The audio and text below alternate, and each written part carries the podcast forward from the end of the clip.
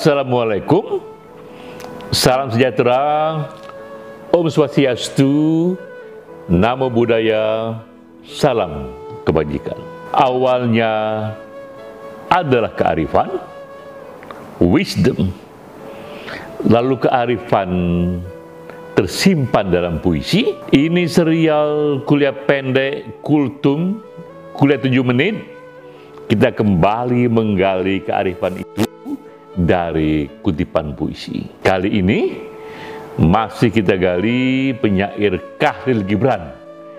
Ia lahir di Lebanon, hidup di tahun 1883 hingga 1931. Kita kutip puisinya dari bukunya yang sangat-sangat terkenal, Sang Nabi.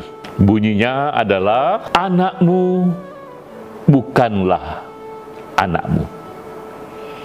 Ia datang melalui kamu, tapi tidak dari kamu.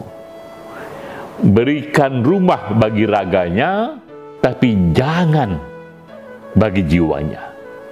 Karena ia hidup di masa depan yang tak akan kau kenali.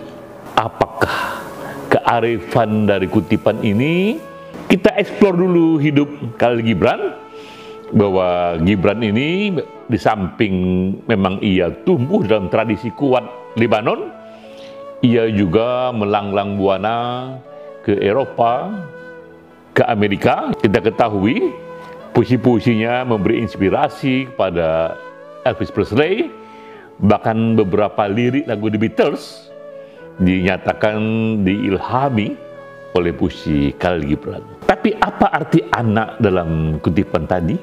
Karena Gibran sendiri ia tidak menikah. Gibran sendiri tidak punya anak. Ya. Nah anak dalam kutipan ini tidak kita artikan secara sempit. Tekstual adalah anak seperti anak kandung, tapi ini adalah simbol dari generasi penerus bahwa setiap generasi itu janganlah kita harapkan hanya mereproduksi zaman sebelumnya. Karena setiap zaman memiliki sendiri kearifannya, memiliki sendiri spiritnya. Seorang pelukis di abad pertengahan, ia mencoba melukiskan masa depan yang tak ia ketahui, tapi ia sudah merasa bahwa di masa depan itu aneka penduduk dunia akan saling berkunjung, akan saling berpergian. Di era itu, di abad pertengahan itu belum ada itu jalan raya, belum ditemukan itu yang kita sebut mobil seperti zaman sekarang. Apa yang terjadi ketika ia mencoba memfantasikan masa depan? Yang ia gambar di kanvasnya akhirnya adalah begitu banyak balon-balon bertabrakan. Di setiap balon itu ada tempat duduk dan dia bayangkan begitulah cara masa depan nanti akan berpergian. Mereka akan terbang melalui balon-balon dan itu berseliweran sehingga langit penuh balon-balon. Kita lihat begitulah cara mereka membayangkan masa depan yang memang tak ia ketahui. Nah, sekarang kita tahu bahwa tak ada balon-balon terbang itu.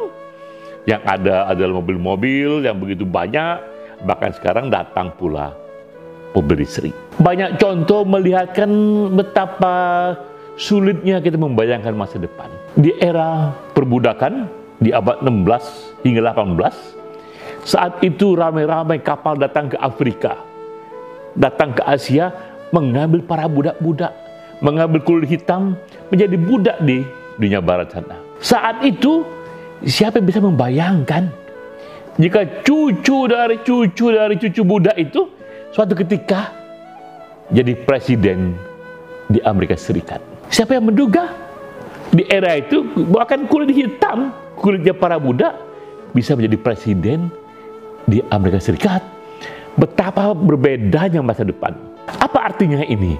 Artinya adalah memang jangan berikan rumah bagi jiwanya karena jiwanya ada di masa depan. Jangan kita mencoba misalnya memaksakan satu spirit abad pertengahan pada zaman sekarang misalnya. Sistem ekonomi abad pertengahan ke zaman sekarang. Sistem politik abad pertengahan ke zaman sekarang.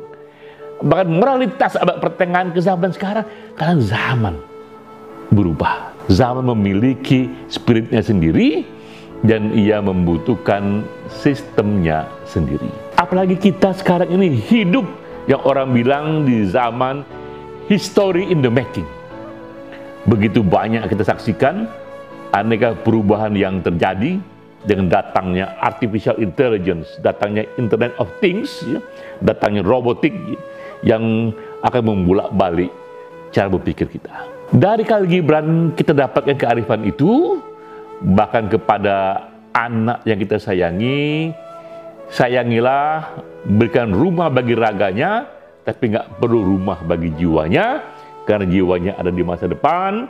Jangan kita mencoba mereproduksi, mengkader gagasan kita untuk ditiru di masa depan, karena masa depan memiliki kearifan sendiri. Kita memahami bahwa zaman terus berubah, ya, dan mereka yang sesuai dengan zaman baru, survival of the fittest, itulah yang akan bertahan.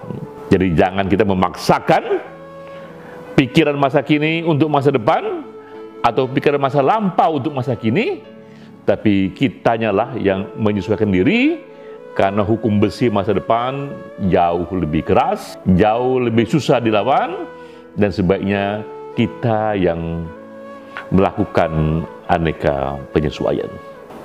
Sampai jumpa.